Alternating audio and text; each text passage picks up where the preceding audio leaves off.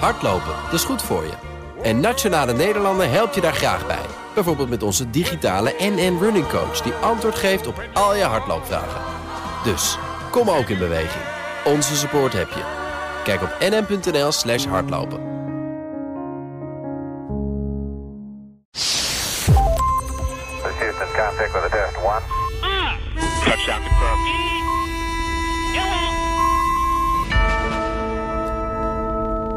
En welkom allemaal bij een nieuwe Space Cowboys nummer 70. Zo, hey Thijs. Hi, Herbert Blankenstein.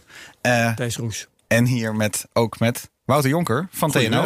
Hey, hoi, goedemiddag. We hebben weer eens een gast. We hebben weer eens een gast, een, een niet vaste gast, laten we het zo zeggen. Ja, zo iemand ja. die niet bij het vaste team eh, zit. Eh, Wouter, eh, we gaan het uitgebreid hebben over adaptieve optiek. En wat wij wel en niet van de zon weten. En wat doe jij bij TNO, in je eigen woorden? In mijn eigen woorden. Tegenwoordig ben ik eh, eh, projectmanager en programmamanager van al onze activiteiten op het gebied van grondgebonden astronomie. Ah, en er is op dit moment een project. Grondgebonden astronomie. Grondgebonden Grondgebonden. astronomie. Mooi. Dit in tegenstelling tot astronomie vanuit de ruimte. Ja, ja. Ja, ja eh, ooit was astronomie vanuit de ruimte heel bijzonder. Maar tegenwoordig is het eigenlijk meer andersom. Hè? Als je niet vanuit een satelliet de boel waarneemt, dan eh, moet je het er eigenlijk bij zeggen. Eh, weet niet of dat het geval is, maar... Overdrijf eh, ik? een, een beetje. Maar straks als we meer over Ja. de solartelescopen, over adaptieve optiek gaan hebben, dan kunnen we daar eh, Ja, heel, want, heel diep want op ingaan. Thijs gooit het op eh, de, de techniek, hè, adaptieve optiek. Maar we gaan het ook concreet hebben over een nieuwe te bouwen telescoop op Ja. Tenerife. Is het op Tenerife? Een van de Canarische eilanden. Oh, Niet zomaar Tenerife. Voor mij is de knoop nog niet helemaal doorgehakt. Oh, dat waar die moet komen. Oh, interessant. Of Want dat ik- eh, ik toch heb op wat wordt, doorzitten- of dat het toch op Tenerife wordt. Ja, ja, oké. Ik heb wat door zitten klikken en uiteindelijk dacht ik, oh, hij komt op Tenerife. Ik weet niet meer waarom, omdat het ergens stond. maar dat staat dus nog niet helemaal vast. En heel even om vooruit te blikken, wat gaat deze telescoop doen? Deze gaat naar de zon kijken. Om alles aan de zon te onderzoeken en te weten te komen. En te kijken wat we wel Ja. en niet weten. Wat je dus helemaal niet moet doen, hè? eh, naar de zon kijken. Maar als er een telescoop tussen zit, dan mag het weer wel. Je kan twee keer door een telescoop eh, naar de zon kijken. Twee keer, zei je? Eén keer met je linker en één keer met je rechteroog. Nou, daar gaan we het over hebben. Een beroepsgrapje. Precies. En de, eh, eh, ja, maar we gaan ook even gewoon wat, wat eh, nieuwtjes doorspreken. En wat er allemaal gebeurd is. Want er is een hoop gebeurd. De, de- Ik ga e- even... Blijf nee, erover. Dat komt, Oh, ik heb oh. zo nog een verhaal over Tenerife. dat Oké, is- ja, daar komt dadelijk. Mag je Ja, over ja, ja. hebben. Nee, er gebeurt zoveel de hele tijd. Overal. Ehm, SpaceX is bezig. Virgin Galactic heeft gevlogen. De Chinezen zijn geland op Mars. Op Mars en hebben hun wagentje losgelaten. Starlink is in Nederland beschikbaar. Oh in, ja? in Zweden komt er een soort spaceport-achtig ding. Nou, Heel en, wat te en- bespreken. En, en nog het een en ander aan budgetdingetjes. Dus, dus eh, waar, eh, waar gaan we beginnen? Eh, ik denk bij de, bij de UFO's. Heel even. Vertel over de UFO. Nou ja, ik heb niet het idee dat er letterlijk op dit moment echt een soort stap in het nieuws is genomen. Maar er is een, een video van 60 Minutes die heel goed is hierover. Een klein beetje de UFO's gevolgd de afgelopen tien jaar. Is dit dat, hoe heet het daar ook weer in Arizona?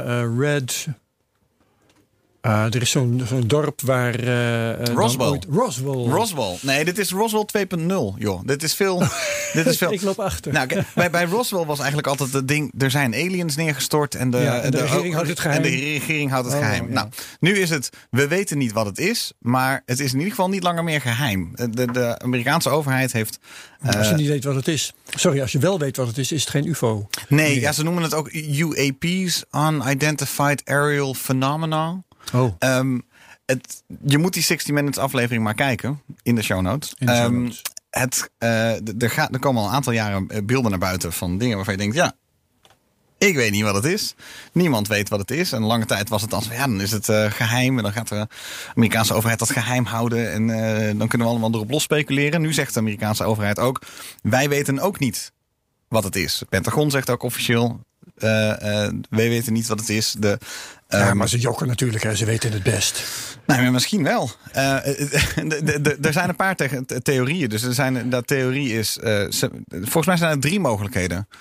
Eén, het is toch Amerikaanse technologie en ze eh, leiden iedereen om de tuin. Twee, Hebben het we het is. nu over een specifiek verschijnsel of over UFO's in het algemeen? Waar Nee, over, we hebben het over specifieke verschijnsels. Ja. En die zal ik dan zo meteen even uitleggen. Ja. Eh, even het opzetje afmaken. Het één is of het is Amerikaanse technologie. Of twee, het is buitenlandse technologie.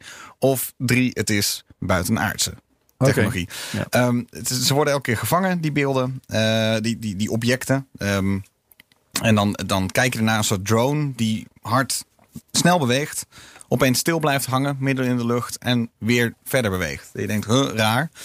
Praat je met, ehm, eh, zoals in 60 Minutes, met eh, mensen die voor de luchtmacht werken. Die zeiden, ja, ik heb er lang mijn mond over gehouden, maar ik zag ze elke dag. Elke dag zag ik een object dat ik niet kon verklaren. Dat zich op manieren bewoog dat ik niet kon verklaren. En vervolgens was het weer weg. Weer twee straaljagerpiloten die zeggen... ja, als we in ons eentje in een straaljager hadden gezeten... zou ik het nooit hebben gezegd. Ehm, maar eh, het, eh, we zagen een soort tik-tak onder water. Raar zich bewegen. Met schuim ook op het water. En op het moment dat we een kijkje gingen nemen... keek dat ding soort van keerde zich naar hun... en begon op dezelfde manier ook richting hun te vliegen. En op een gegeven moment hing het stil voor hen. En ze zagen het allebei. en er zijn, afstand? En er zijn, dat zijn er niet bij, maar er zijn eh, radar en eh, infrarood en alle meetapparatuur hebben dit ook waargenomen. En opeens verdween hij. Wormhole. Nou ja, wat, eh, wat moet je met zulke soort informatie? Ja, wat moet je met zulke soort informatie? Eh, ik, ik vind het heel... ge- eh, Geheim houden. Geheim. Nee, ik vind het te gek. Ik vind het heerlijk om erop los te filosoferen. Ik zat ook Ja. even een hele leuke clubhouses erover. Zo van gewoon even, de, even het niet weten en het mysterie ook gewoon even laten hangen. Is heerlijk.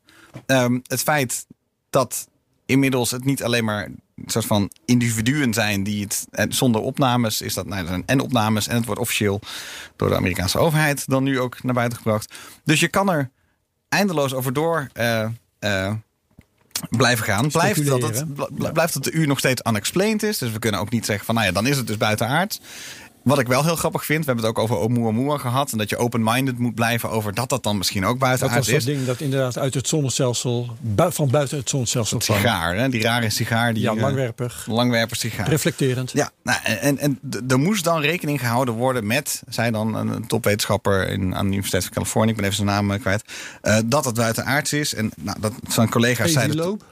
Was het Eviloop zelf die er In, zei? eh, Was hij die toen zei? het over Oumuamua Toen het ging, gaat, was het wel. Eviloop. Ja, Ja, die ja, zei dat. ehm, die zei Heeft dat er dus een boek over geschreven nu. ja, Ja. Eh, we moeten een open mind houden, want het zou zomaar buitenaards kunnen zijn. En gewoon simpelweg dat je dat moet kunnen zeggen, dat dat geen taboe is, dat, dat is al een verovering. Zo van ja, want ik moest ook denken, de afgelopen, toen ik dat zat te kijken, van ja, we hebben het ook wel eens over de Fermi-paradox. Hè? Van, als, het he- als er waarschijnlijk buitenaards leven zou kunnen moeten zijn, statistisch, waar zijn ze dan? Ja. Dan moet je ook, als het je soms recht in je ogen staart, ook niet zeggen, ja, dat is allemaal onzin. Dus ik vind het wel, ik vind het wel grappig om die dingen gewoon een beetje wel je moet het wel in de gaten houden. Want voor het, voor het weet zitten we hier met onze Space Cowboys daadwerkelijk de aliens te negeren. Ja, dat zou toch ook, zonde- zou toch ook zonde Dat wil zijn? je toch niet missen? Zou Nee. toch ook zijn? Het, is, het is optie 3. Het is optie 3. Optie 1, het is van de Ja. Amerikanen. Optie 2, het is van de Chinezen. Dat kan ook nog steeds. Ja, ja, ja, ja, ja. Maar eh there's something out there. nou, dat Ik, is... zal, eh, ja, ik, ik zal één verhaal vertellen over een waarneming die ik zelf een keer heb gedaan. oh shit, nu komt het. Ja, Ja? ik reed een keer over de snelweg. In de avondschemering. Bijna donker. Misschien helemaal donker. Ehm, en opeens zag ik een lichtverschijnsel. Werkelijk met waanzinnige snelheid van heel ver links naar heel ver, ver rechts bewegen. Een meteor. En nee, het was, ging horizontaal. Ging ongeveer horizontaal. En ik, ik heb hem een kilometer lang of zo heb ik me zitten afvragen. Wat heb ik nou gezien? En op een gegeven moment wist ik het. Want het was eh, ter plaatse was een, eh, een hoogspanningsleiding. En wat ik heb gezien, dat was een lichte reflectie op die hoogspanningsleiding. Die door mijn beweging heel snel van links naar rechts ging. Ja. Ja, dat, dat gevoel kreeg ik ook bij dat, toen, die ene, toen ze zeiden... die tiktak die kwam opeens dichter bij mij... in dezelfde soort van beweging als, Ja. als wij dat- naartoe. dat, dacht ik, ja... Dat verhaal kan. illustreert dus dat je hele rare dingen kunt zien. Ja. Ehm, en als je dan niet toevallig op eh, dit idee kwam waar ik dan toevallig op kwam, Ja, misschien dat- door mijn natuurkundige achtergrond, Ja. ehm, dan ga je blijven denken dat dat eh, onverklaarbaar is en zo. En ehm, hoe langer je dat onverklaarbaar vindt, hoe mooier het wordt in je gedachten. Ja. Wouter, jij Dus was ontvoerd door aliens? Nog niet. Nee, nee, nee. Jammer. Jammer, jammer, jammer. We missen we een leuke anekdote. nou, dus ook, ik zou vooral goed. zeggen, ga, kijk naar die, In de eh, kijk naar die notes. En maak er, eh, verzin er zelf maar je eigen verhaal bij. Dat is voorlopig Ja. wat je moet doen. Dan even, eh, even een paar korte nieuwtjes. Leuk- Er is iets leuks in Zweden aan de hand. Daar is een soort Vertel. sp- spacepoort aan het ontstaan, schrijft de New York Times. Ehm, er, zijn, eh, er wordt een oud complex, een oud marinecomplex wordt daar omgebouwd tot eh, mogelijk lanceerplatform. Eh, voor, ehm, hoe noem je dat in het Nederlands? Polaire satellieten, Ja, polaire satellieten Ja, die. Dus, die dus eh, van noord naar zuid gaan. verticaal, eh, Verticaal. om de aarde heen draaien. En Ja. dat schijnt goed te zijn voor aardobservatie. Want dan, de aarde draait onder je door. Ik kijk even naar Wouter. Ja, en dan uiteindelijk kun je op die manier eh, overal eh, ter aarde, overal op aarde kun je, kun je uitkomen. Overal kun je alles zien. Door gewoon van boven naar beneden te gaan. En de aarde draait Ja. gewoon onder je door. Dus dat is hartstikke leuk. Bovendien in eh, Zweden, in Kiruna, de meest noordelijke stad in Zweden, speelt zich het af. Is ook het Zweedse Instituut van Space Physics. En een high school, een space high school. Voor, eh, voor middelbare scholieren die eh, het extra goed doen op school. En dan is er ook nog het Luleå University of Technology met een space program. Dus ehm, met allemaal PhD-studenten. Dus heel grappig dat er opeens in Noord-Zweden, waar je toch de laatste tijd allerlei ontwikkelingen zag, juist meer richting de Evenaar. Hè, waar iedereen eh, wil zijn om de snelheid van de aarde mee te krijgen. Nu blijkbaar ook in het noorden. Ja. Nou, Nou ja, misschien je, voor ESA net- ook wel interessant. Net zoals voor ehm, eh, die andere categorie banen eh, een plek zo dicht mogelijk bij de Evenaar heel gunstig is, is zo'n plek in het noorden van Zweden heel gunstig voor die polaire banen. Want dan krijg je namelijk die eh, zwaai mee van de Evenaar, die krijg je juist niet. Die krijg je juist niet mee. Die wil je Ja, ja. voor zo'n baan namelijk helemaal niet hebben. Je wil eigenlijk gewoon stilstaan. Ja. Ja, of nou ja, er zijn allerlei varianten mogelijk. En dan lanceren ze hem naar het noorden ook. Of Enig idee? eh, dat hoeft denk ik niet per se. Nee. Welke richting je dan kiest. Eh, Kijk, je kunt daar, eh, daar vandaan kun je allerlei hellingen kiezen ten opzichte van de Evenaar. Ja. Dus daar ben je redelijk vrij in. Ja. Schat ik zo die, eh, die duw van de Evenaar krijg je niet mee. Dus je moet hem Nee. wel een flink hardere duw geven, denk ik, dan... Ja, je moet wel een flinke raket eronder zetten, ja. Ja, dus daar moet, er, daar moet ook een goede lanceerinstallatie Eh, voor ja, komen dan. Dat is ja. waar. Ja, ja. Ja, nou, dan ga ik meteen door naar het volgende, want het wordt druk in de ruimte. Leuk bruggetje. Ehm, Ah, prachtig. Want het wordt druk in de ruimte. Eh, Starlink is eh, beschikbaar in Nederland, officieel. Je kunt nu een abonnementje nemen. Je kan nu een abonnement nemen op Starlink. Wat leuk. Ja, in Waarom hebben we dat nog niet? Waarom hebben we dat niet aan, gratis aangeboden gekregen? Ja, Bright had het wel. Bright had het wel, verdomme. Oh, ja? ja, die had, iemand, had een ondernemer gevonden die ehm, ja, slecht internet had en het eh, ging uitproberen. En eh, volgens mij uiteindelijk haalden ze... Het filmpje was daar toch een beetje onduidelijk over, maar uiteindelijk haalden ze toch 130 mbits down of zo. Wat echt hartstikke goed is. Dat, ja, dat is sneller dan wat ik op kantoor eh, had en laatst. de lag is natuurlijk ook wel belangrijk. Lag is laag. Laag. Laag. Ja, de- volgens mij is uiteindelijk het doel is eh, 10 milliseconden of 9 milliseconden. Ehm, ik hoorde zelfs, of ik las, dat licht door glasvezel langzamer gaat dan door de lucht. Dat en- zal best kloppen, ja. En Ja. eh, dat er daardoor in sommige situaties zelfs een ping eh, eh, winst te behalen valt. Omdat het via de ruimte gaat. Wat eigenlijk contra-intuïtief is. Want je zou denken dat het eigenlijk dan veel meer... dat het helemaal van de aarde gaat en veel meer afstand aflegt. Nou, je doet er al een aantal milliseconden over om er bovenuit te komen. Ja. De Starlink zit op 500-ish. Eh, kilometer. 3 tot 500 Drie tot kilometer. 500 Nou, dan, dan zit je, heb je het over 5, 6, Ietsje 7... dichter bij je microfoon. Sorry, heb je Ja. het over 5, 6, 7 milliseconden voordat je daar bent? Ja, ja, en dan gaat het naar een grondstation in de buurt. Ja. Maar ja, weet je, eh, als Voor je... filmstreamen is dat genoeg. Maar Voor voor, filmstreamen. online gamen, dat... eh, Ja, voor online gamen. Ja, je wil eh, toch eigenlijk wil je dan je wil die 9, maar ik zat laatst te gamen met een ping van 100, ging eigenlijk ook prima. Ik, ik VR wel eens met mijn broer in Vietnam even tussendoor. Het is echt heel bizar. Zeker in coronatijd. Dan zit je helemaal geïsoleerd. Zit je wel in de, in de VR-wereld met je broer in Vietnam en mijn vader van 72 te, te vliegen door VR. Heel bizar. Heel bizar. Eh, maar dat kan je dus ook met Starlink overal doen. Ik zag ook al mensen die dat dan gingen doen. Die dan, Ja. weet je wel, dan kan je in de is of in 10 nowhere kan je dan. VR-wereld in. Ehm, ik zag ook eh, Starlink overkomen. Trouwens, hebben jullie het treintje wel eens gezien? Nog Oh, nooit. ik heb ze wel eens gezien, ja. Ik heb Ja? het vaak geprobeerd. Een lang treintje, groot treintje. Ja, echt een, eh, een stuk of eh, 15, Van die misschien nog dingen. wel meer van die dingen. Echt Nou ja. zo, zo helder als, als de helderste sterren, zeg maar. Ja. Echt een, het duurde eindeloos. 10, 15 minuten voordat de hele trein over was. Precies. Ja, dat had ik dus ook eh, twee, weken, eh, twee, drie weken geleden. In, in Frankrijk was ik. Zat ik met een stel Frans in de tuin. En dan kwam, het ding, kwam dus dat treintje over. En oké, nou het gek, eh, leuk, lachen. Maar het bleef maar duren. En het bleef maar duren. En, het, en toen hield het even op. En toen ging het weer verder. Dan weer een nieuwe. Nou, en er werden sommige UAP. Fransen die werden. Ja, ja precies. Nou, gelukkig had ik er een verklaring voor. Maar sommige van die Fransen die, die werden er bijna emotioneel van. Die hadden echt zoiets van: daar gaat Onze daar gaat, grijpt in. nou ja, een beetje. een beetje zoiets. Nou ja, daar gaat onze, onze nacht of zo. Daar gaat onze hemel. Oh, onze hemel- night sky, ja, de night sky eh, gaat eraan. En het is nooit meer hetzelfde. En ja, die begonnen te vloeken over miljardairs in Silicon Valley en zo. Maar het. het, het ik, toen, toen het maar niet ophield met die treintjes, dat ik dacht van, oh leuk, hij komt over. Maar dat we de hele tijd gewoon ja, onder twee gesprekken verder zaten en nog steeds onder, onder die treintjes zaten. De, ja, ik weet niet. De, tij, de tijd verandert. Of ik word oud. Maar het, het, eh, Allebei waarschijnlijk. ja, het, ik, vind het, ik vind het wel. Ik weet niet, ik werd er ook een beetje meewarig van. Meemoedig. Weemoedig, wat is het juiste woord? Gewoon. Ja, weemoedig zal dan het woord wel zijn. Ja. Eh, maar ja, weet je, als je eens een keertje... F- Frankrijk is een goede plek. Maar in Afrika of zo, eh, waar echt nog donkere nachten zijn...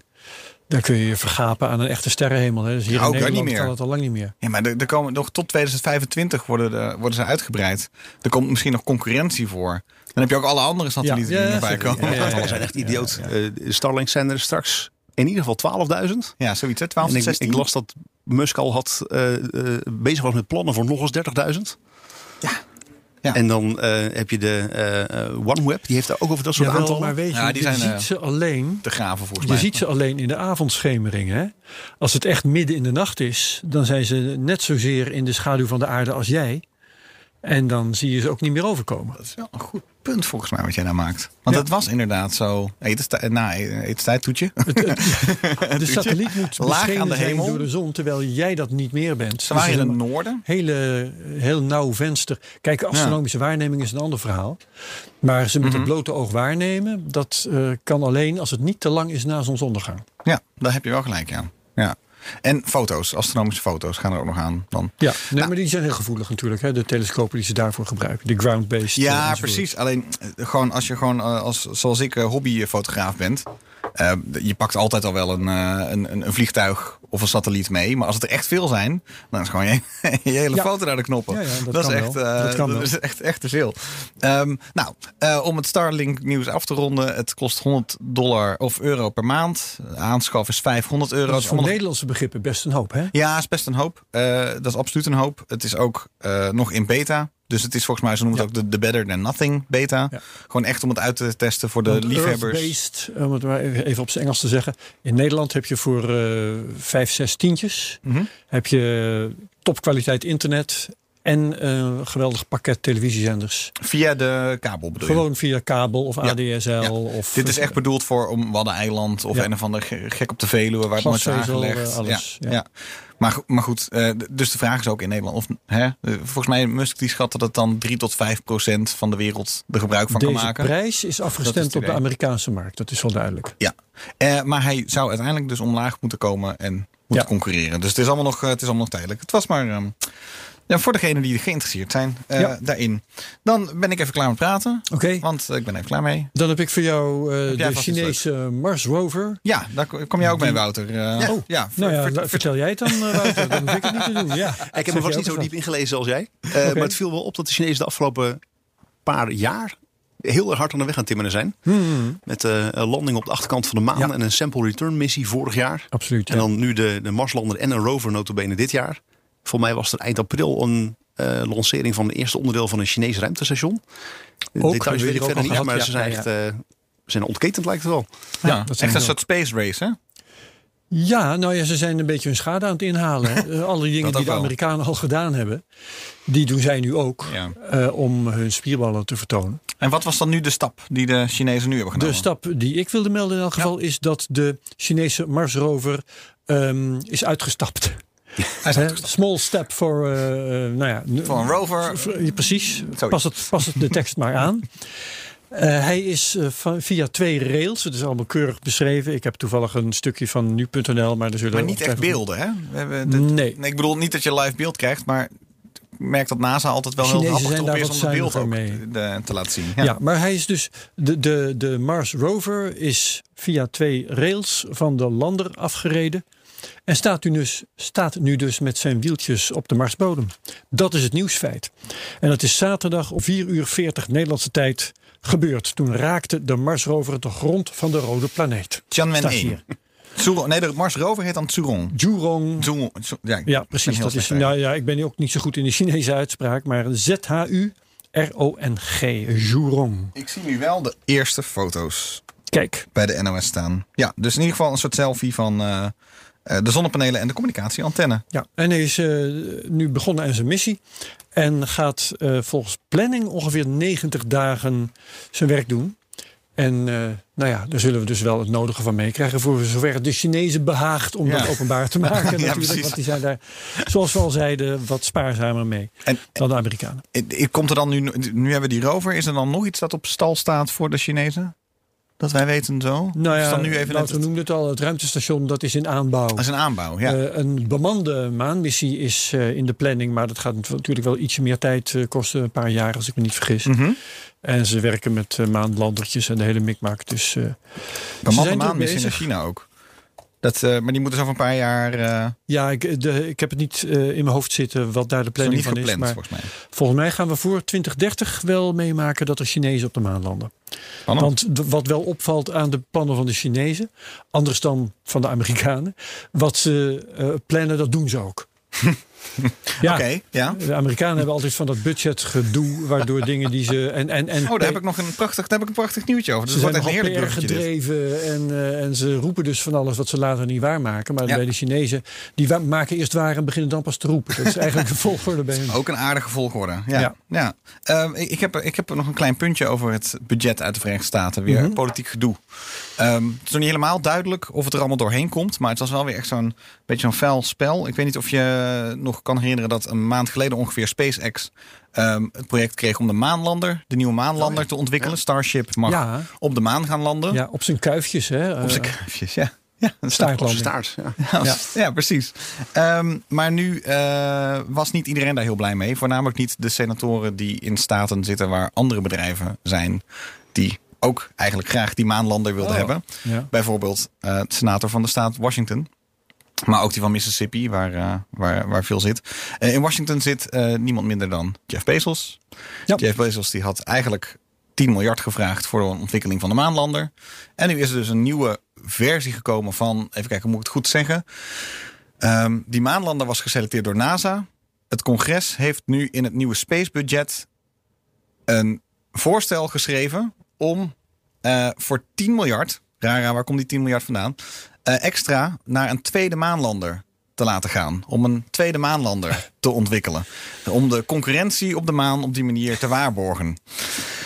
Eh, want het kan niet zo zijn dat er maar één bedrijf dat voor een veel lagere Nee. prijs opeens alles moet wel doet. een vrije markteconomie. Dan moet wel een vrije markteconomie gefund worden door de senatoren van de desbetreffende staat. Dus het. ehm, Ja, of, ja, Of, of, en of om het risico te spreiden dat een van de twee toch stiekem de eindstreep niet haalt. Of de technologisch gewoon niet uitkomt. dat, is de rationele, dat is de rationele reden die wordt gegeven. Dat het budget dan exact overeenkomt met wat eerder gepitcht is door eh, Jeff Bezos, is dan verdacht. toeval. Toeval, sorry. Ja, dat, dat, dat woord zocht ik. Eh, dus eh, dat- is er dus nog niet helemaal door. Want dat is dus een voorstel van het, van het congres over het budget. En dat budget moet allemaal nog goedgekeurd worden. En moet dan allemaal nog ondertekend worden door Biden. Ehm, maar ehm, het, laatste woord is daar volgens mij nog niet over gezegd. Dus Nee. het is wel weer een mooi voorbeeld van hoe eigenlijk in de Verenigde Staten constant, consequent alles aan elkaar hangt van lobby en Politiek. politiek. En ik Ja. bedoel, we hebben het al zo vaak over SLS gehad. En het, nu, het zou dus zomaar kunnen zijn dat er een second stage van de SLS ontwik- doorontwikkeld gaat worden. Terwijl de first stage van SLS eigenlijk al half dood wordt verklaard. Dus het, het to be continued ook weer. Doen we. Doen we. Ehm, voordat we het over ehm, de zontelescoop gaan hebben, heb jij volgens mij nog één. Ja, Virgin Galactic. Ja, één grote mijlpaal die we even moeten bespreken. Want die hebben hun eerste succesvolle ruimtevlucht gemaakt. Tenminste, dat zeggen ze zelf. In, in ehm, eh, ruim twee jaar. Dat is wat hier eh, The Verge eh, citeer ik. Ik heb hem gezien, ja. Ja, ze hebben dus eh, eh, met eh, hun, hoe heet dat ding bij, bij Virgin ook weer? Eh, VMS Eve Carrier Aircraft. oh, Unity, was, Unity. is de naam van het ruimteschip. Het ruimteschip. Je hebt twee, Wat een groot twee dingen. Hè? Je hebt dus als het ware je hebt een soort vliegtuig waar die, aan, gelanceerd per vliegtuig. waar die aan hangt. Ja. Als een soort raketje. Naar 44.000 voet. Dus deel dat door drie kom je op 15 kilometer ongeveer. En daar wordt eh, het ruimteschip losgelaten. Gaat dan verder op eigen gelegenheid omhoog. En bereikt een hoogte van 45, ko- sorry, 55,45 mijl. En dat zit dus tussen de 80 en 85 kilometer. Hoog wel. En dat Oh. noemen ze dan outer space. nou, daar kun je dus over discussiëren. Wouter kijkt ook wel heel zuinig. hier. Heel, ja, Wouter die is het ook niet mee eens. Ik ken deze discussie. Ja. Suborbital heeft toch? Je kan wel heel hoog komen, maar als je niet echt in een baan om de aarde bent, ben je dan wel echt in de ruimte. Dat ook nog eens een keer. Ook dat nog ja. eens een keer, ja. ja Nou, ben je dan weet een astronaut? Als je recht omhoog gaat naar 200 kilometer... je gaat recht weer naar beneden... ben je wat mij betreft in de ruimte geweest. Zo ja. Ik Dus- vind toch de, de, de, dat je op een klaarlichte dag eh, de ruimte zwart ziet. Dus dat je echt de dampkring dat die zo dun is dat je dus als het ware niet meer de weerkaatsing. Vind ik ook al wel een mijlpaal hoor. Ja, dus dat je ergens maar overdag. Wat is zwart, Thijs? Wat is zwart? Nee, Oké, klopt. Soms heb je op sommige dagen wel inderdaad als de zon op een gegeven moment al een bepaald punt staat en je kijkt recht omhoog, dan voelt het al alsof je Ja, heel is donkerblauw dat eh, een kijkt. menselijke ervaring of is het iets wat je kunt meten? Nee, maar Ja. wat toch over het algemeen als grens wordt aangehouden... kijk ook even schuin naar Wouter, is Ja, 100 kilometer. 100 kilometer. toch? Ja, 60 mijl, 100 kilometer. Ja, Ja. maar dat, dat vervolgens, ik, ik zag een prachtige registratie van NASA Spaceflight Now. Ik weet niet of jullie dat YouTube-kanaal kennen. En die, dat clubje mensen die dat doen. Nee. Ehm, zij hebben in de afgelopen jaar, twee jaar, een organisatie weten neer te zetten. Het is waanzinnig. Het zijn allemaal vrijwilligers, YouTubers, weet ik het wat. Die dus met, eh, dankzij live beelden van mensen die daar staan. Dus dat zijn allemaal hobbyisten of dronepiloten of gewoon cameramensen. Die dat signaal het internet op krijgen. En dan ergens hebben ze het allemaal aan elkaar geknoopt met perfecte schakeling. Ze weten allemaal heel veel, allemaal infographics op het beeld. En zo hebben ze de hele eh, ontwikkeling van Starship gevolgd. Maar dus ook zelfs ehm, die Virgin lancering, waar geen beelden van waren, geen live beelden van waren. Gewoon met iemand die daar op de grond stond met een camera, hebben ze toch een aflevering of een uitzending van 2,5 uur kunnen maken. Waarbij je het dus helemaal live kon volgen. En nog goed in beeld ook en zo. Was echt waanzinnig gedaan. En daar kwam deze discussie ook langs. Ehm, En daar was iedereen het erover eens van. Ze zeiden het gewoon heel goed. Ze zeiden: de piloten die dit, eh, eh, die dit ruimtevaartuig uittesten nu, zijn dus officieel geen astronauten. eh, vanwege die arbitraire grens die ooit is getrokken. Ja, ja, en dat ja. vonden ze allemaal heel onterecht. Want Oh. deze mensen die. Hè, they put their lives on the line. Weet je wel. Ze, Ja, ze- ze- ja, Herbert, een beetje meedenken aan het. Ja, ja, precies. Van, hè, dit zijn ook helden die ook proberen eh, de mensheid verder te helpen. Dit zijn gewoon astronauten, punt. Nou, Als je, vond- als je vond gaat... een mooi eh, punt. Nou ja, oké. Dan kan je zeggen, nee, want we hebben, ooit 100, we hebben ooit 100 kilometer besloten, punt. Als je Ja, gaat bungeejumpen, waag je ook je leven. Daar word je ook geen astronaut van. Nee, maar ze zijn toch wel. Zijn toch wel mensen.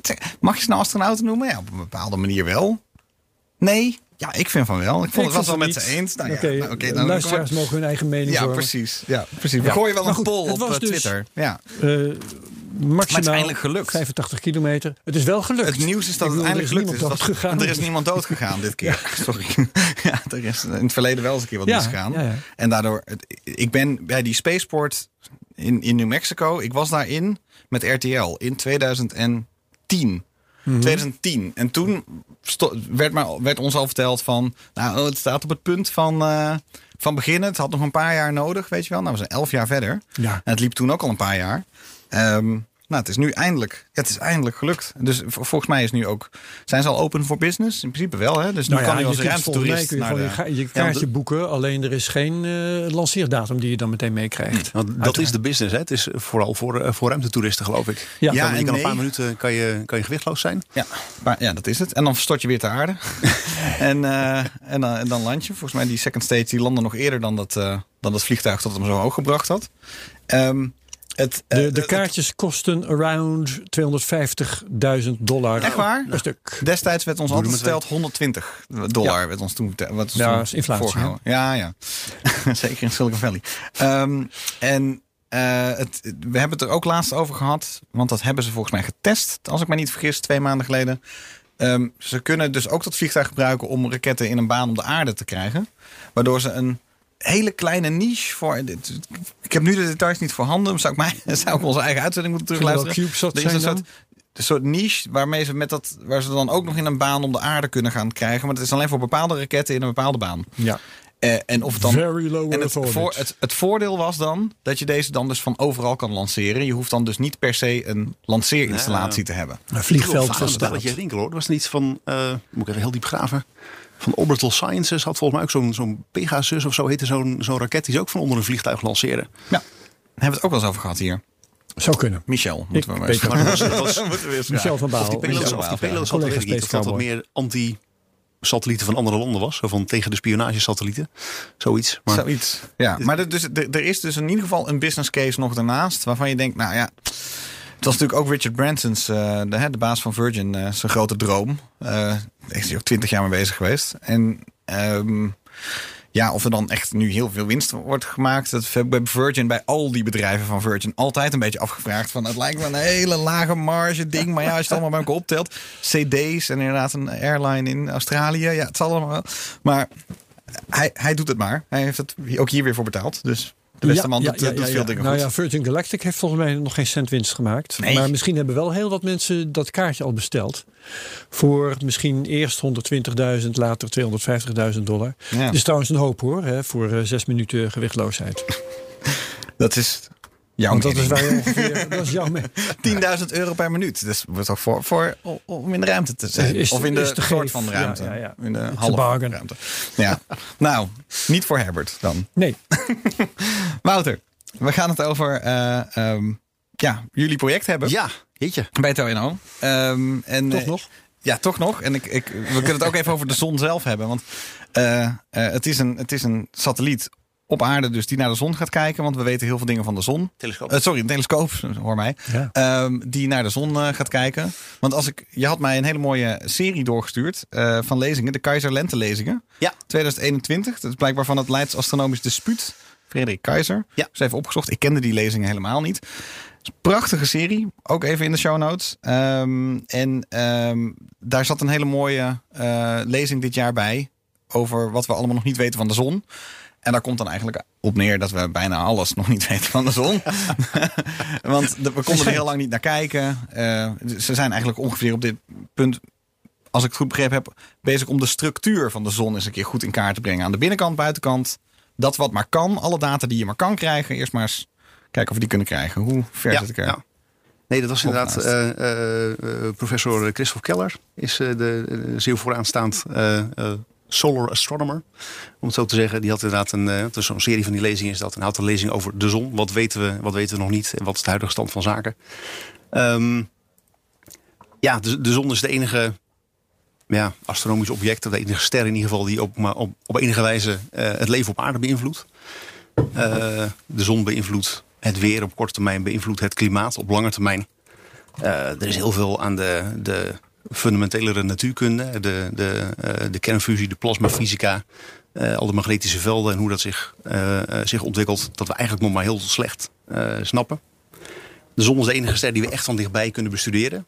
En dat is ook ja. automatisch een model voor eigenlijk alle andere sterren. En, en hoe ontwikkelen die zich nu? Ehm, dus daar is heel veel belangstelling voor. Ehm, en er is nu in, eh, eh, in Europa in aanbouw, of in ieder geval in ontwikkeling, er wordt nog aan uh, driftig aan ontworpen, eh, is de European Solar Telescope. Het wordt een, eh, een telescoop met een eh, primaire spiegel van 4 meter om eh, licht van de zon op te vangen. Het gaat dan via de nodige eh, reflecties uiteindelijk een, eh, eh, het optische lab in, het optische backend van de telescoop. Hm. Eh, waar allerhande metingen en analyses en onderzoeken vervolgens worden gedaan naar hoe werkt die zon nou eigenlijk. En heeft de ESA al een soortgelijke telescoop? Eh, eh, ESO, European Southern Observatory, is de, de Europese eh sterrenwacht eigenlijk, de astronomieorganisatie. ESA, ESA eh, is de European Space Agency, dat is Ja. de, de Europese NASA, zeg maar. En de ESO is dan ESO is de European Southern Observatory. Ja. En dat is ja, de, eh, in Chili. eh, die, hun hoofdkwartier zit in Garching in Duitsland. Oké. Eh, maar eh, er zijn een aantal eh, observatoria, een aantal eh, eh, telescopen zeg maar, op eh, eh, de Canarische eilanden staan. Maar hun grootste observatorium eh, staat inderdaad in Chili. In eh, eh, Paranal, ergens diep in de Atacama-woestijn. Oh ja. Waar het nog lekker donker wordt s'nachts. geen, eh, geen storylicht. Waar de atmosfeer lekker schoon is. Waar het geologisch lekker stabiel is. waar de atmosfeer geen rare dingen doet. Om zo, zo goed mogelijk beeld te krijgen zeg maar, van wat daar Ja. buiten allemaal hangt. Ehm, maar deze, deze European Solar Telescope is een, een onafhankelijk initiatief. Daar heeft ESO eh, eh, draagt daar in zoverre niet aan bij. Er zijn wel landen die ook in ESO zitten, die doen ook mee aan die Solar Telescope. Hm. Ehm, en dat ding bevindt zich al heel lang in de ontwerpfase. En vrij onlangs zijn een aantal eh, contracten uitge, uitgeloofd, hoe zeg je dat? Ja, award, getekend of awarded, hoe zeg je dat in het awarded, Nederlands? Toegekend. Toegekend. Kijk eens. Ehm, voor de ontwikkeling van een aantal, eh, een aantal sleutelsystemen daarvan. Eh, voor de ontwikkeling van de on- ondersteuning van die, die 4 meter spiegel. Want die moet eh, eh, eh, super nauwkeurig in vorm blijven. Ehm, en ook voor de, eh, de secundaire spiegel. Nou, dat is dan de, eh, eh, de ontwerpopdracht die, die TNO heeft gewonnen. Dat moet namelijk een vervormbare spiegel worden. eh, waarmee je de storende invloed van de atmosfeer in real-time kunt wegregelen.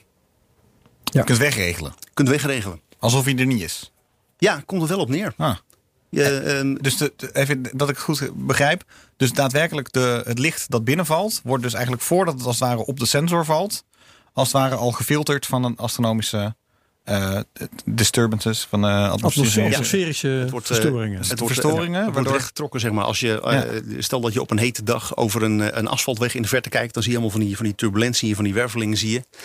Ehm, die heb je op een kleinere schaal ook als je naar de sterren kijkt of als je naar de zon kijkt. Eh, die Dat is verstoren je het beeld. twinkelen van een ster, hè? Dat, zijn, Ja. dat zijn die bewegingen. Ja. Ja. Daardoor kun je minder scherp eh, eh, beelden krijgen dan je anders had kunnen doen. Dan je bijvoorbeeld met een ruimtelescoop kan doen. Ehm, en als je die verstoringen goed genoeg kunt meten, dan kun je, ze, kun je ze wegregelen. Je ziet een verstoring. Je brengt vervolgens precies de tegenovergestelde verstoring aan op jouw vervormbare spiegel.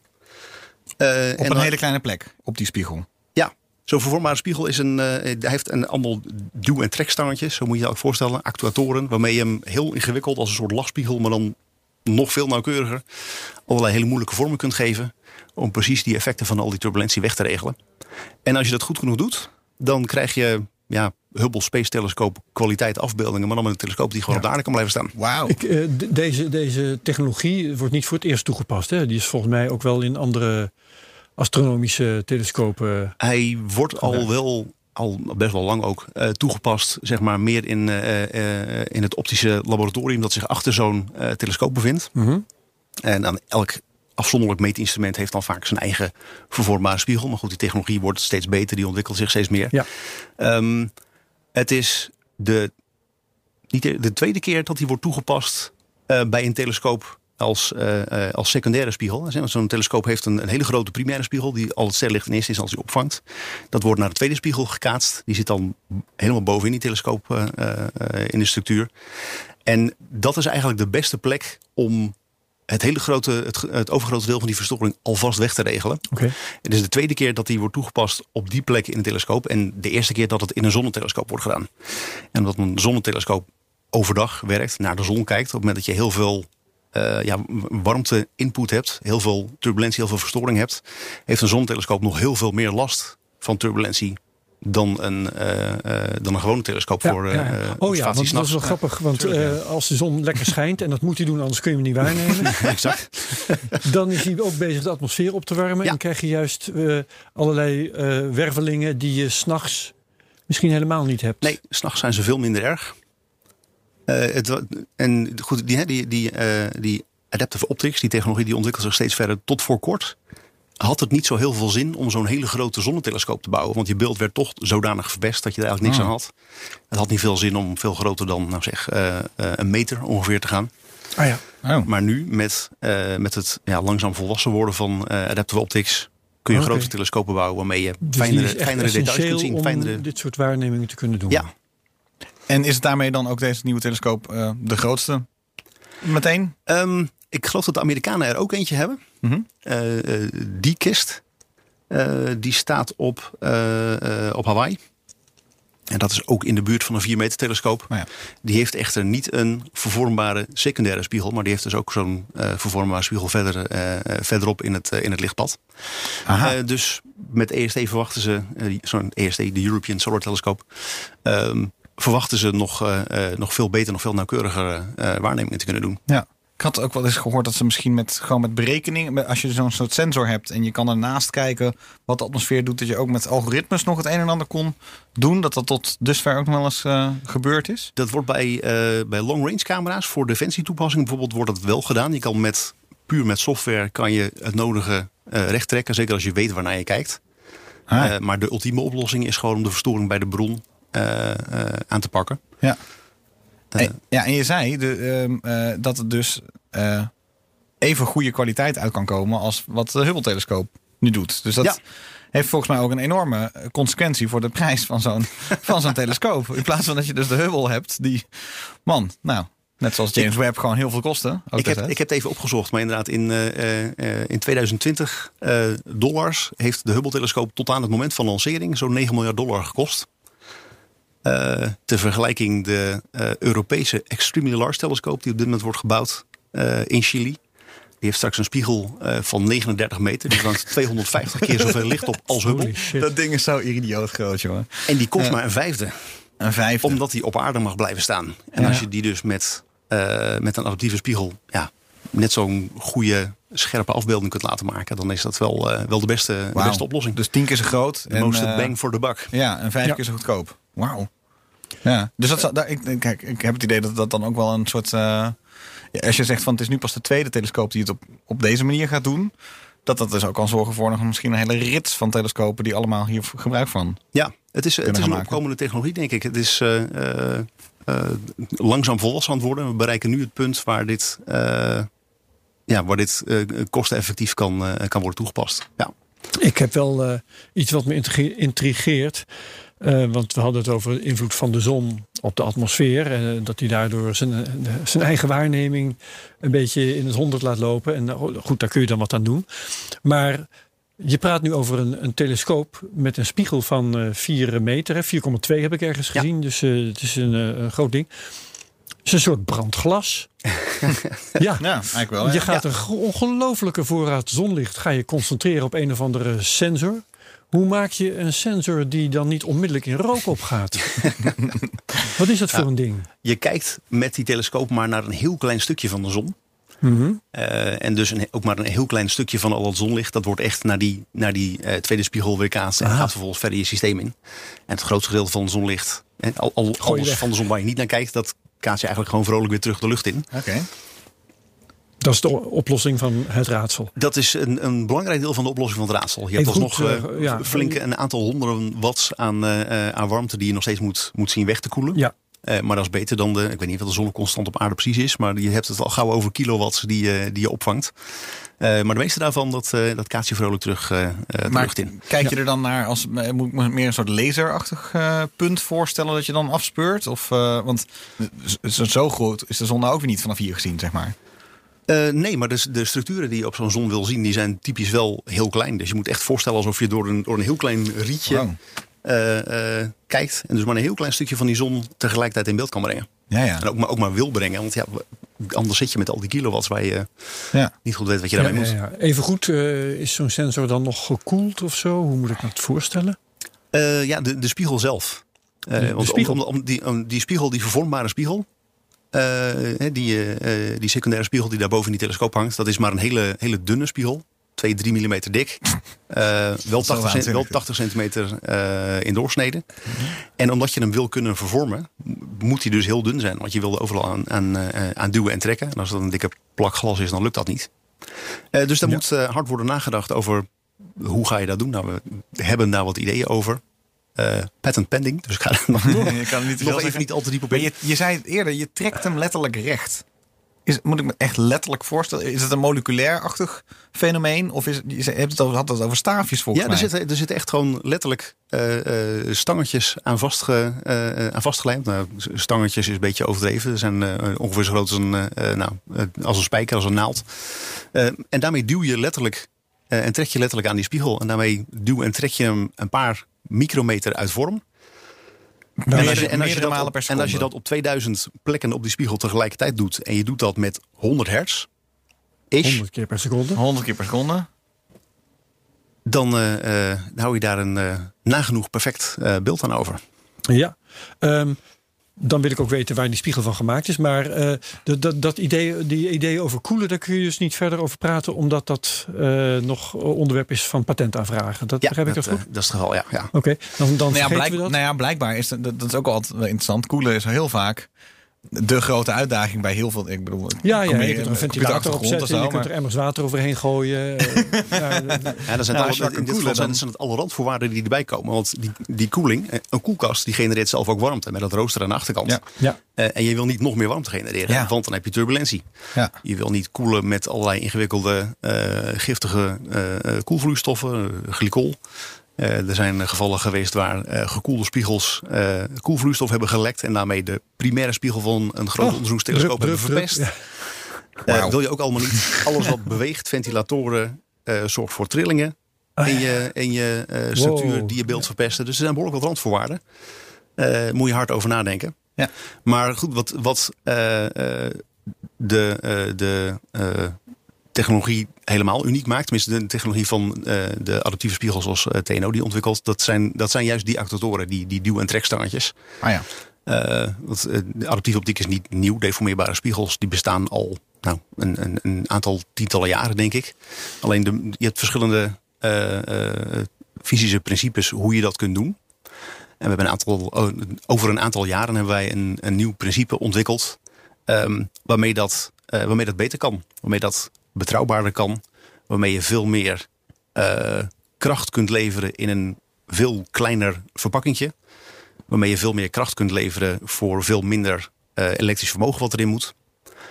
Ehm, en dat is ja, beter dan wat nu de state of the art is. En wij zijn dat eh, samen met VDL ETG in dit geval, zijn we die technologie verder aan het ontwikkelen.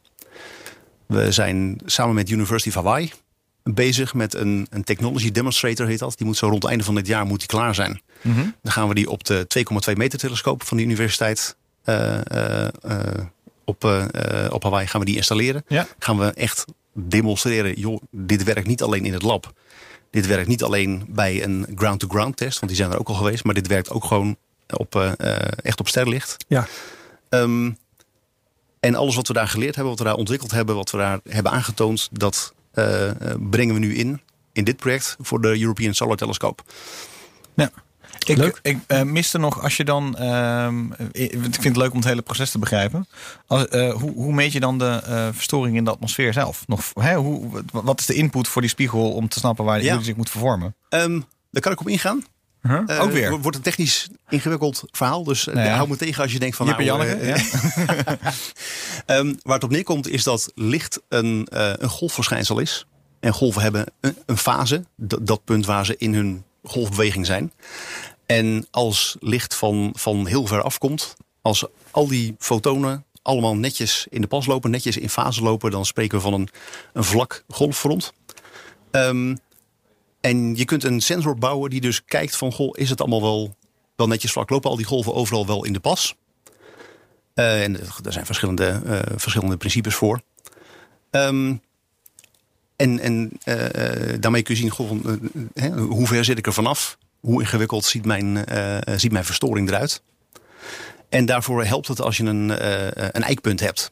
Dat je weet dat je iets, iets waarvan je weet van nou, dit is, dit is niet verstoord of zo zou dit eruit moeten zien. En bij een telescoop die gewoon s'nachts werkt, kun je kijken naar bijvoorbeeld naar een heldere ster. En je weet dat het een puntbron zou moeten zijn. Je kunt zien dat het dat niet is.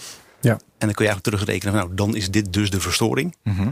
Eh, op het moment dat je niet een heldere ster in je beeld hebt, dan kun je er zelfs nog zelf eentje maken.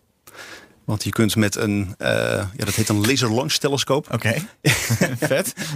Je kunt, het is een laser launch telescoop is een soort overmaatse laserprojector. Maar je kunt de eh, natriumatomen in de bovenlaag van de atmosfeer, die kun je, die kun je aanslaan. Eh, door er gewoon licht met precies de juiste golflengte op te schijnen. En zo kun je een soort kunstmatig sterretje maken. Nou, die laser launch telescoop hebben we met TNO ook keertje eh, ontwikkeld. Voor de ESO's VLT observatorium.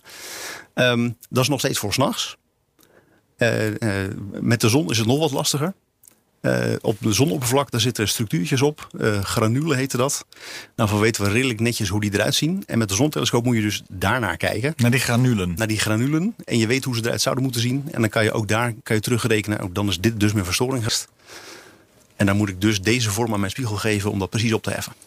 Fascinerend. Nou, zie je, Jawel. dat is een goede, goede vraag, want de wereld gaat open. En dan heb ik een vraag die daar wel op aansluit, denk ik. Want je zei al dat die, die spiegel die moet dan vrij dun zijn. Want je, en, en vervormbaar, hè, want je moet Ja. eraan kunnen sjorren en, en duwen en trekken. Waar is die dan van gemaakt? Eh, van eh, nou, betrekkelijk gewoon glas, mag ik wel zeggen. Toch glas. ja, Want glas van, eh, kennen we toch niet als heel erg plastisch. Nou, een, een paar micrometer eh, vervorming, dat lukt altijd wel. Zeker als die Ja. lekker dun is. Het is geen, eh, geen autoruit of eh, eh, hoe heet het? thermopane eh, vensterglas. Eh, dus dat, eh, dat, gaat, dat gaat vrij netjes. Ja. Ehm, nee, dat is een borosilicaatglas, eh borofloat. Ehm, daar, eh, daar kan het goed mee. De, de, de, de traditionele manier om dit soort spiegels te maken is door een groot dik blok zero duur te nemen. Zero expansion eh, glas.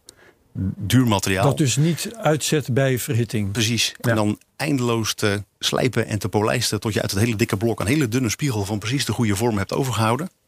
Ehm, doordat die actoren, actuatoren, die, te- die techniek die wij hebben ontwikkeld, doordat die zo, zo sterk zijn in zo'n compact, eh, compact jasje, ehm, kunnen wij veel dikkere spiegels vervormen dan, eh, de, dan wat er tot nu toe bestond.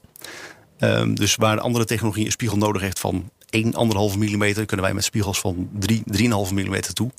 En de, de sterkte van zo'n spiegel gaat met de derde of vierde macht van de dikte, geloof ik. Dus ik, eh, eh, ik had een proefexemplaar van zo'n spiegel. Yo, ik, wil eens, ik wil het eens een keertje in handen hebben. Ik wil weten van eh 3 mm dikke glasplaat. Hoe is dat nou? Dus ik ben naar de lokale glasboer gegaan op mijn vouwfietsje. Snij een stuk glas uit. Ik heb het gewoon onder de arm heb ik dat meegenomen naar de zaak. dat is heel wat anders dan eh, eh, wanneer het 1 mm is. Je denkt van nou, als ik één keer hard nies, dan, dan ligt het aan scherven. Een 3 mm is, eh, voelt gewoon als een soort dikke... Het, dat is, ja. dat is gewoon een beetje vensterglas eigenlijk. Ja, Eh, hier als je, als je enkel glas hebt, spatplaat, dat is wel iets dikker nog. dat zijn er misschien vier. Maar Ja, maar inderdaad zoiets moet ons grootte. Ja. En dat soort dikke spiegels kun je dus veel makkelijker maken.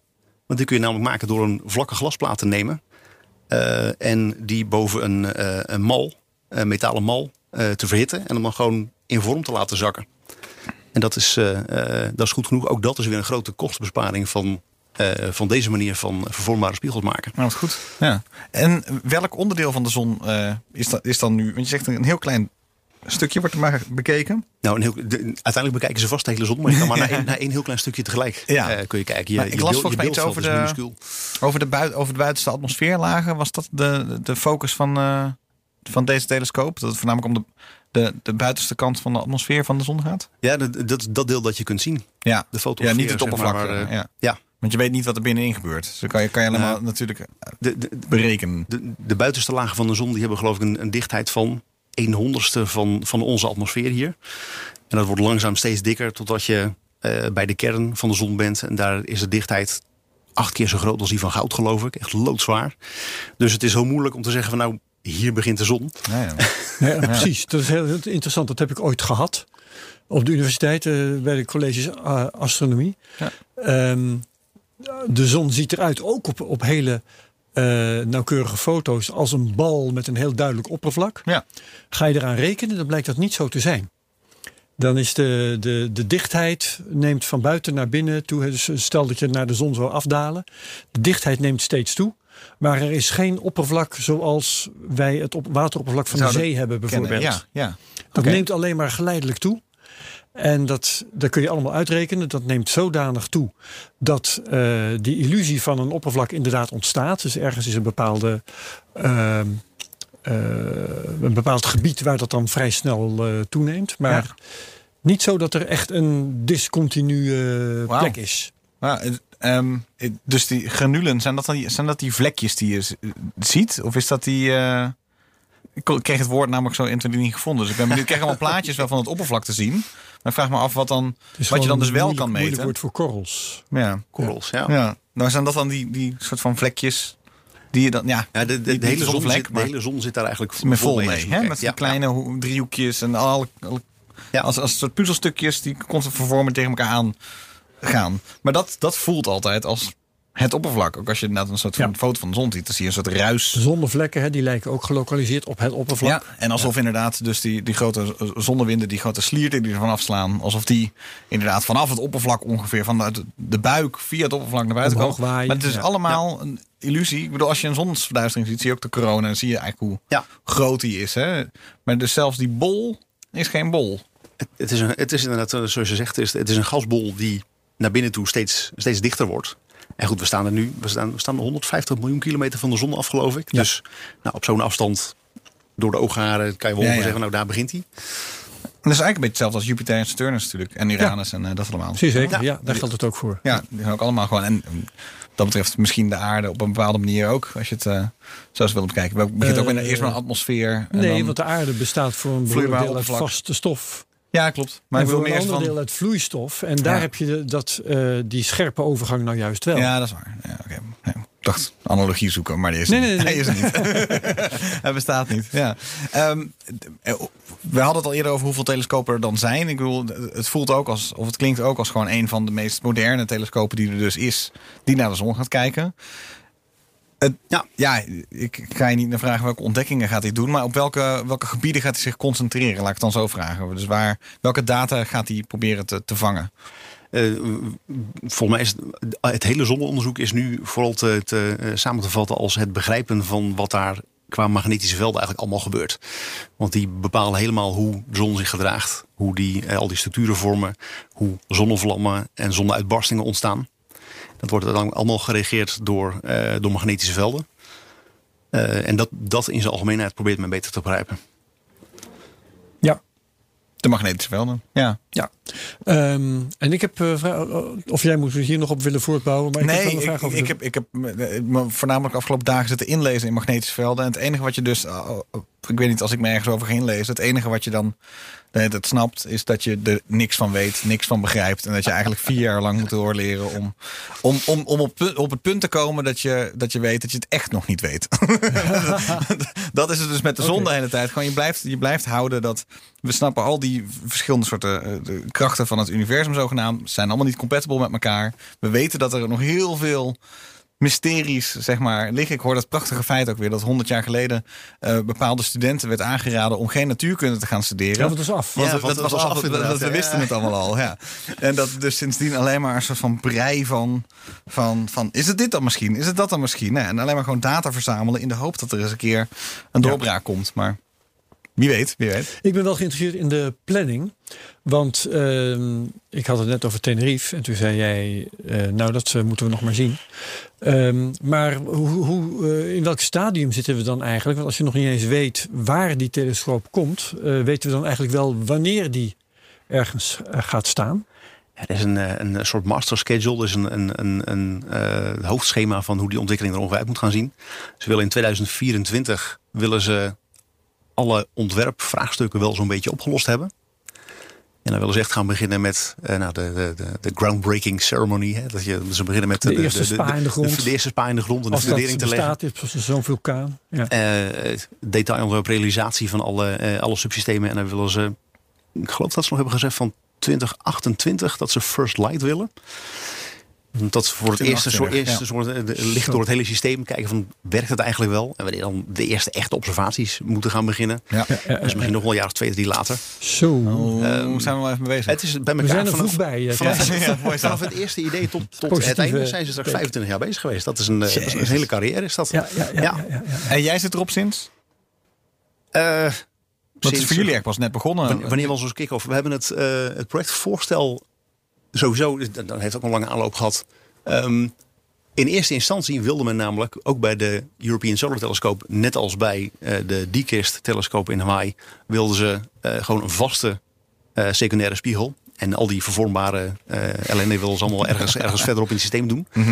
En toen hebben wij een ontwerpstudie voor ze gedaan. We kwamen via, via met ze in contact, een ontwerpstudie gedaan. En daaruit hè, wij denken deze en deze performance kunnen halen. Deze en deze performance kunnen halen. En toen hebben, zij, hebben ze- zij gezegd van hé, hey, maar als wij dan zo'n vervormbare secundaire spiegel hebben, dan kunnen wij in ons totale systeem kunnen wij van 13 moeilijke dure spiegels terug naar 6. Kijk. Dat spaart ons zeven spiegels uit. Best Ze- part is no zeven, part. zeven dure componenten, zeven reflecties, waarbij we steeds beeldfouten introduceren, fotonen kwijtraken. Dat is wel verrot interessant. En toen hebben ze officieel de uitvraag gedaan. Dat is een Europese aanbesteding geweest. Ehm, dit zijn onze eisen. Wie kan dat bouwen? Eh, dat projectvoorstel hebben we midden vorig jaar geschreven. Eh, nou, een uitgebreid eh, proces waar je dan heen moet. Want die aanbestedingen, dat is altijd nogal een, eh, nogal een circus. Ehm, zijn met goed gevoel heen gekomen. En die kick-off van dat project die was nu zo'n zes weken geleden, denk ik. Was eh, eh, midden april. Zoals je zegt, we zijn er vroeg, eh, we Ja. zijn er vroeg naar. Ja. Nou, Wouter, dankjewel. Hartstikke Ja, leuk om eh, dat je erover kan vertellen. Ik denk, we wil nog heel even in de laatste minuut vooruitblikken naar de komende weken. Tenzij jij nog prangende dingen hebt. Nou, ik, ik zat alleen te denken, zal ik mijn, mijn persoonlijke verhaal... Want ik, ik begon Wat net had je over... nog? Nou ja, ik, ik noemde net Tenerife. Eh, Ik, ja. ik had, oh, je eh, had nog een Tenerife nu. Nou, dan ik- toveren die nu nog uit de hoed. Nou ja, dan heb ik, nog dacht, heel even een vooruitblikje voor SpaceX. Wat leuk, want waarom vind ik dat leuk? Ik eh, heb daar eens een, korte vakantie doorgebracht. En de, het observatorium dat er al is op Tenerife, dat staat op die vulkaan die daar eh, het grootste deel van het eiland beslaat, eh, de, de Tijden. En ik ben daar eh, ooit eens een keertje ben ik daar de, de vulkaan opgefietst, Gaaf. zover als je kon fietsen. En de, Op de zoek rest, naar die telescoop ook? nou, niet speciaal op zoek. Oh, Ik wist die was. Ik wilde gewoon naar de top. Ja. En dat is nog een heel stuk verder. Want je, komt- je komt eerst dat tele, die telescoop tegen. Dat is het observatorium. Er staan een aantal gebouwen. En eh, nog een stuk verderop, eh, daar eh, kun je niet hoger. Er staat wel een hotel en daar heb ik overnacht. Toen ik 's morgens vroeg ben ik te voet verder gegaan. Dan kun je nog 1500 meter verder omhoog. Oh man. En toen was ik 's morgens om 9 uur stond ik op de top. En is echt gaaf. Echt een, een, een piekervaring Ja, in mijn leven. ja Omdat- tuurlijk. je dan de, ik, ik zag de zon opkomen boven de wolken. En dat is echt fantastisch. Wauw. Dus eh, ik hoop dat hij ook. op eh, de, de tijden komt. Maar Gran Canaria, daar staat ook een observatorium, zie ik nou net. Ik heb even gegoogeld. Dus eh, er is een gespreid bedje waar die op komt. nodige. Dus Wat zeg je? La Palma staan er ook de nodige. Dus Ja, als we nou, straks voor de oplevering heel van dat project die kant op gaan, dan eh, neem je een extra grote koffer mee. Blijven een weekje langer.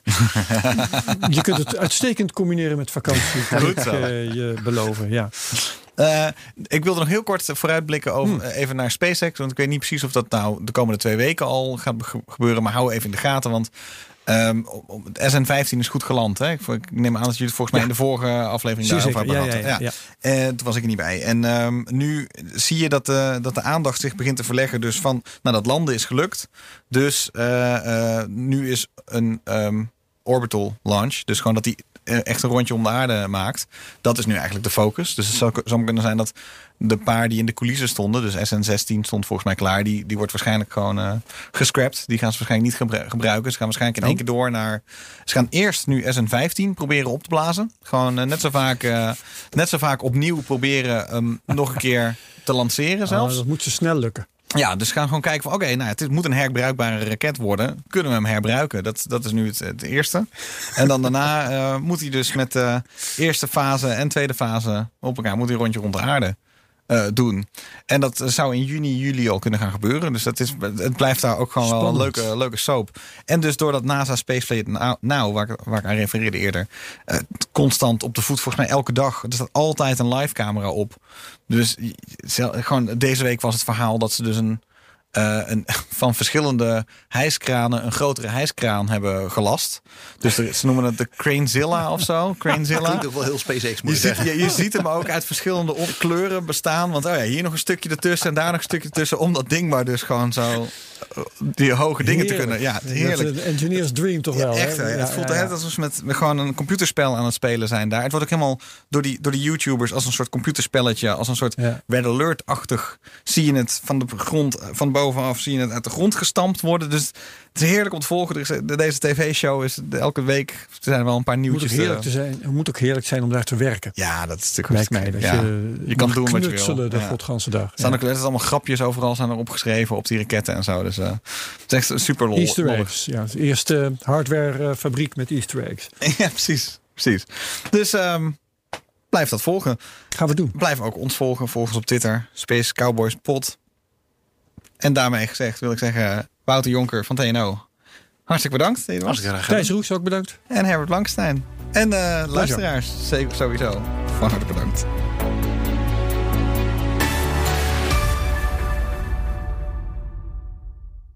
Business Booster. Hey ondernemer, KPN heeft nu Business Boosters. Deals die jouw bedrijf echt vooruit helpen. Zoals nu, zakelijk tv en internet, inclusief narrowcasting... de eerste 9 maanden voor maar 30 euro per maand. Beleef het EK samen met je klanten in de hoogste kwaliteit. Kijk op kpn.com slash businessbooster. Business Booster.